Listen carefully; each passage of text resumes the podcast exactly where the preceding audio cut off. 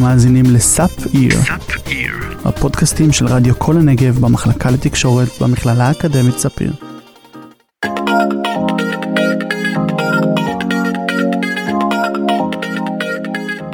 היי, אני אביתר, כבר uh, כמעט שש שנים בזוגיות עם מורן שתחיה, וכמו שאתם יודעים, השנה הזאת אילצה אותנו להיות בבית, והרבה בבית, תודות לקורונה כמובן. אז ככה, השנה אני ומורן עברנו לגור ביחד, טיימינג מעולה, לא יודע, תגידו לי אתם. ולא רק זה, המעבר לא היה רגיל כמו שציפינו, פתאום להיות כל יום וכל היום ביחד בלי הפסקה, לא רק שמרגיש כאילו השנה הזו הוסיפה לנו עוד חמש שנים לזוגיות, היא גם הוסיפה לנו עוד הרבה הרבה לחצים מסביב. וכשאני אומר לחצים, אני מתכוון ל... תגיד לי, חיים שלי, מתי אתה מציע נישואים? אגב, מתי אתה מציע? הלבשת את מורן, מתי אתה מציע על הנסיעה? מה קורה, חתיך? מתי אתה מציע? תגיד לי. אביה, מה קורה? תגיד מה, מתי אתה מציע נישואים? מה נסגר? טוב, אז ישבנו, אני, יובל, היי. יובל היי. ואביעד, היוש! והגענו למסקנה שאומנם הקורונה עצרה לנו את התרבות, החיים החברתיים, את המשפחתיות, את הכושר, ואפשר לקטר ולקטר ולקטר, אבל מישהו, מישהו חשב מה הקורונה הזאת עשתה לנו ללב? ברוכים הבאים לפודקאסט שלנו, זה מסובך! שקט, יובל. יואו, פתחנית. היוש, אני יובל כהן, אני סטודנטית, בת עוד שנייה 26, וכן, אני רווקה. לא רווקה שלא נשואה כזה, רווקה, רווקה, כזאת שמלא זמן לא הייתה בזוגיות. וזה לא שזה הטייטל הרשמי שלי עכשיו, אבל אני לא אשקר, אנשים מתחילים להסתכל עליי מוזר. אין שום דבר רע ברווקות, סבבה? אני מבין את הלחץ של כל העולם, וכל העולם דואג לזה לחתונה וילדים, ושיהיה לך בית ושיהיה לך משפחה. חרטא! מי שדיבר עכשיו זה נועם, חבר טוב שלי, וגם הוא רווק. אם אני מחר רוצה לטוס להודו, אין לי אף בחורה שתגיד לי לא, וזה לא הזמן, וזה לא זה. אוקיי, סליחה, אני, אני מבינה. מה אתה אומר, אבל אני חושבת שאנחנו בגיל מסוים, שכבר חווינו את הכל, היינו בטיולים. כן, את אנחנו... חווית הכל? אמ, האמת, שמיציתי את הרווקות אין שלי. דבר כזה. מיציתי אין אותה. דבר כזה, כי את לא יודעת כמה עוד יכולה להציע לך הרווקות הזאת. אז כן, מיציתי את הרווקות שלי, ואני רוצה למצוא אהבה. וואלה, כאילו זוגיות זה, זה לא לכל אחד, וזה לא תמיד בריא. אז אני בגלל חוויה רעה רוצה שיהיה משהו בריא. כאילו, אני מחכה למשהו בריא. אני חושב שזה תמים בטירוף. אני חושבת שאהבה זה לא אינטרס, היא כן קיימת, והיא כמובן תגיע בסופו של דבר. גם אם זה לא יקרה היום, או מחר, או בעוד שנה, אני באמת מאמינה שזה יגיע. וגם, אני חושבת שאני כבר מוכנה לאהוב. וואי, אני יוצאת כזאת קיצ'ית, אבל זה כבר מפריע לי. ונמאס לי לשמוע שוב את כל הקלישאות האפשריות, כמו איך יכול להיות שאחת כמוך חכמה, יפה, מוכשרת, אינטליגנטית, עצמאית, ועוד אני יכולה לעוף על עצמי, אבל נראה לי שהבנתם, ועדיין אין לה חבר. את בררנית, את שוללת, את צריכה לשדר זוגיות, זה רק עניין של התכווננות, אם תרצי זה יגיע. ואיך שכחתי את אימא שלי. מה יהיה עם אימא שלי? עם משפטים שיש רק לה. כשאני אומרת לך תעשי חבר, תעשי חבר, מה, מה את אומרת לי? מה זה עושים? מה זה? מה זה, מבשלים אותו? כן, אמא, מה זה תעשי חבר? איך עושים חבר? שתי כוסות סוכר, כוס וחצי קמח, חצי שעה בתנור, וזה המתכון? יש חבר? אל תבררי, תחפשי, יאללה זוזי. תשמעי יובל, אני רוצה להגיד לך, אין מושלם. פשוט אל תבררי, תיזמי, תיזמי, גם אם הוא קצת עקום, קצת מתלבש לא יפה, קצת השיער שלו פרוע, זה דברים שוליים, זה דברים שאת יכולה לתקן. אני כבר לא יכולה, אם את תתפשרי, את לא מלכת אנגליה, מה קרה? מה רע להתפשר? תראי את ההיא, הראשון שבא תפסה אותו. לא רוצה להתפשר. ואם אני אתפשר זה רק בשביל להתחתן או להביא ילדים, וזהו, סימן טבעי? לא. אני רוצה אהבה בשבילי, לא בשביל לרצות את כל העולם. אבל אני רוצה שאת תתחתני ואני רוצה להיות סבתא ואני רוצה שיהיו לך ילדים, זאת אומרת יהיו לי נכדים. מה זה? מה זה? ברור שאני רוצה שתתחתני. סבבה להתחתן, אבל תחשבו רגע, איך אפשר למצוא היום אהבה? נו, ותגידו לי שוב, את לא מספיק ברשתות החברתיות, תירשמי לקיופד, תחליקי ימינה, שמאלה, ומה עם טינדר? והעלית היום story? כאילו מה, אני מוצר על המדף? שמישהו יגיע ויבחר אותי? ככה מחפשים היום אהבה? איפה הימים שהיו ניגשים לאנשים בבר למשל? לפני כל הקורונה הזאת שהרסה לכולנו, שהייתי יוצאת מתוקתקת, לבושה כמו שצריך, ואפילו היו פעמים שעשיתי בייביליס בשיער. אני יושבת ומחכה ומחכה, ואף אחד לא ניגש. עכשיו בואו, זה לא משהו שדפוק בי, נראה לי. זה משהו שדפוק בי כפרה, בנו, בכל הרווקים בגיל הזה. אז זה שאני, אז אני דפוקה. אנחנו אז, אז לגמרי, כל. המסביב שלי אומרים שאני דפוקה והם כנראה צודקים. וצודקים ממש. איי איי איי, נועה, מה יהיה איתנו כפרה? נשאר רווקים עד גיל 60. אז כן, זה משהו שדפוק בדור שלנו, בעידן החדש הזה, שמי שלא נמצא ברשתות החברתיות, פשוט לא קיים. מה, אני צריכה להעלות סטורי כדי שאנשים ידברו איתי? היום זה כבר מרגיש מוזר שמישהו ניגש אליך, כאילו הוא חודר לך לפרטיות. אל תדאג, אני לא אתלונן עליך. אני חושבת שהגיע הזמן שנתעורר, כי אני רוצה אהבה אמיתית, לא כזאת שפוטוגנית רק באינסטגרם. רגע, רגע, רגע, רגע, יובל, אל תחשבי שזוגיות זה פרפרים ונצנצים ולוי דווי, אין, אין חיה כזאת, בקיצור. בדוק יש פה איזה סיבוך ומישהי שנפגעה ונשבר לה פה הלב. היי, אז גם אני יובל, אבל בת 24. ונשבר לי הלב. ולא סתם נשבר לי הלב, נשבר לי הלב בקורונה. זה לא שברון לב רגיל, שאחריו את מתפרקת עם חברות שלך על בקבוק באיזה מועדון, אלא שברון לב כמו בסרטים, עם ה Ben and Jerry's והנטפליקס. אבל בשביל להסביר את זה, צריך להתחיל מההתחלה. ליום שבו אני והאקס, קצת מוזר לקרוא לו אקס, נפרדנו. אבל הפעם, בזכות הקורונה, מצאתי דרך יצירתית להתמודד עם הפרידה.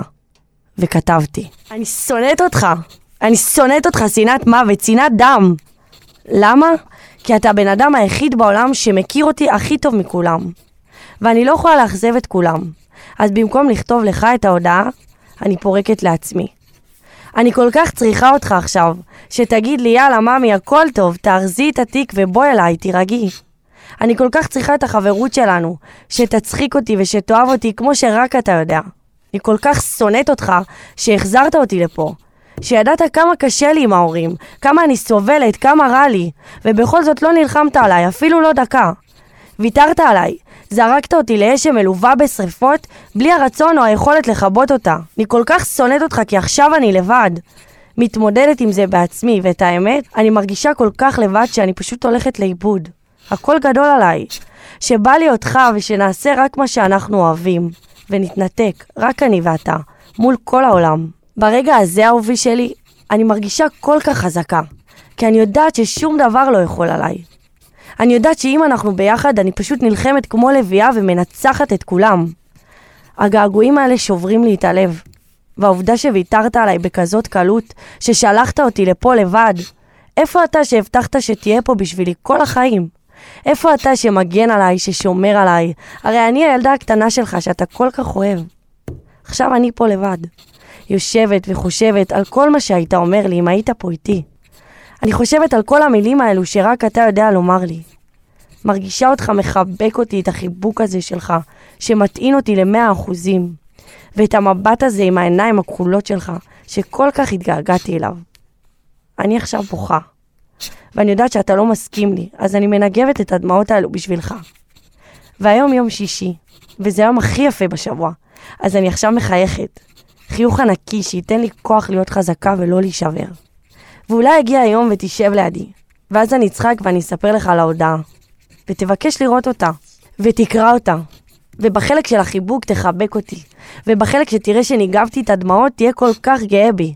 אני מתגעגעת אליך ואני לא יכולה לספר את זה לאף אחד, אז אני פשוט מספרת את זה לעצמי. ומקווה שיום אחד הכל פשוט יעבור.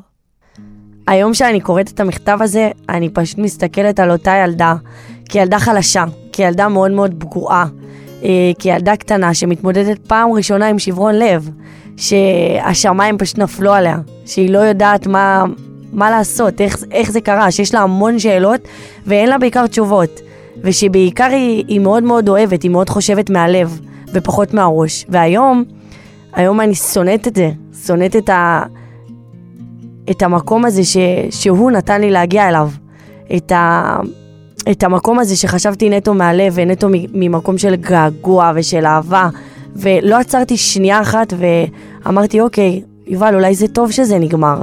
אולי זה טוב ש, שזה מאחורייך. אולי כרגע הוא לא, הוא לא הנכון בשבילך. היום שאני קוראת את המכתב הזה, אני פשוט אומרת כמה זה נכון, כמה הוא לא בשבילי.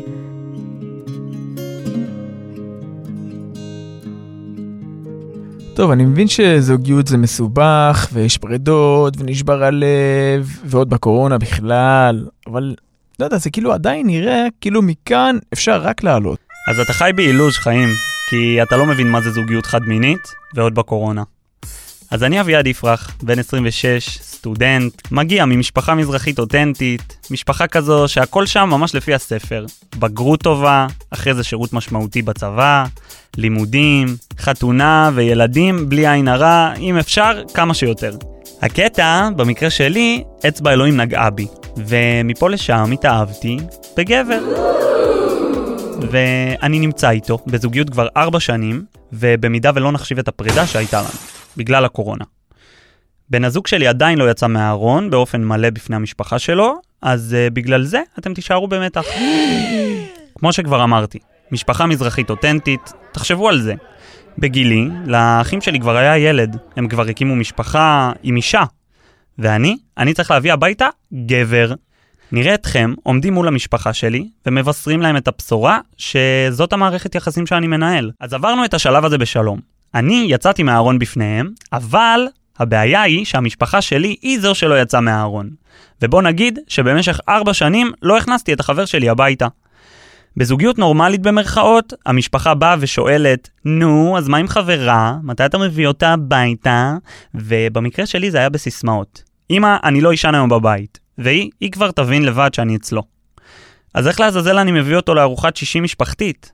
למזלי, בן הזוג שלי גר לבד. וזה דבר שהקל עלינו. אפשר לבלות ולצאת וליהנות בלי לתת דין וחשבון לאף אחד. ואז הגיעה הקורונה.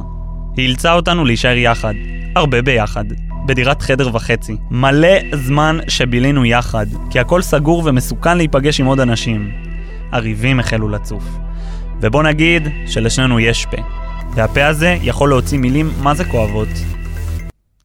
נפרדנו. ארבעת החודשים בין הקשים שעברתי בחיי. אבל לא משנה, חזרנו, הכל טוב, מה לעשות? אין מעליי ואין מתחתיי, והוא שרוף עליי. ואז החלטתי, זהו, אני מביא אותו הביתה, לא משנה מה. המשפחה שלי לא רעה חס וחלילה, זה פשוט משהו שהם לא הכירו. בחרתי ביום ספציפי שאוכל להראות להם שהשד לא כזה נורא. בר המצווה של אחיין שלי. לפי הנחיות התו הסגול כמובן, לא להלשין. התחלה הייתה שתיקה מביכה. התפללתי שמישהו כבר יבוא וישבור את הקרח. ומי זה יהיה אם לא אני? ואחרי כמה כוסות של יין, האווירה באמת הפכה לקלילה, והופ, הנה, הוא חלק מהמשפחה כבר. היום שאיחלתי לו, הגיע. נשמע מושלם, נכון? אז זהו, יש עוד דרך לעבור. ולבינתיים, אם הדאגה שלכם זה שיהיו לנו ילדים, אז יהיו לנו. הדאגה שלכם זה אם נתחתן, אנחנו נתחתן, ואתם תתפללו להיות מוזמנים.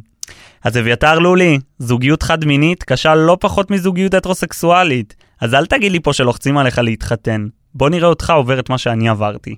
אבל שתתחתן בעזרת השם, אני אהיה שם לעשות זררת. אביעד, אני לא רוצה לבאס את האווירה, אבל חכה רגע עם החתונות, כי נכון, הקורונה פגעה גם בהן, אבל מסתבר שיש עוד תסמינים. אחד מהם זה הלב.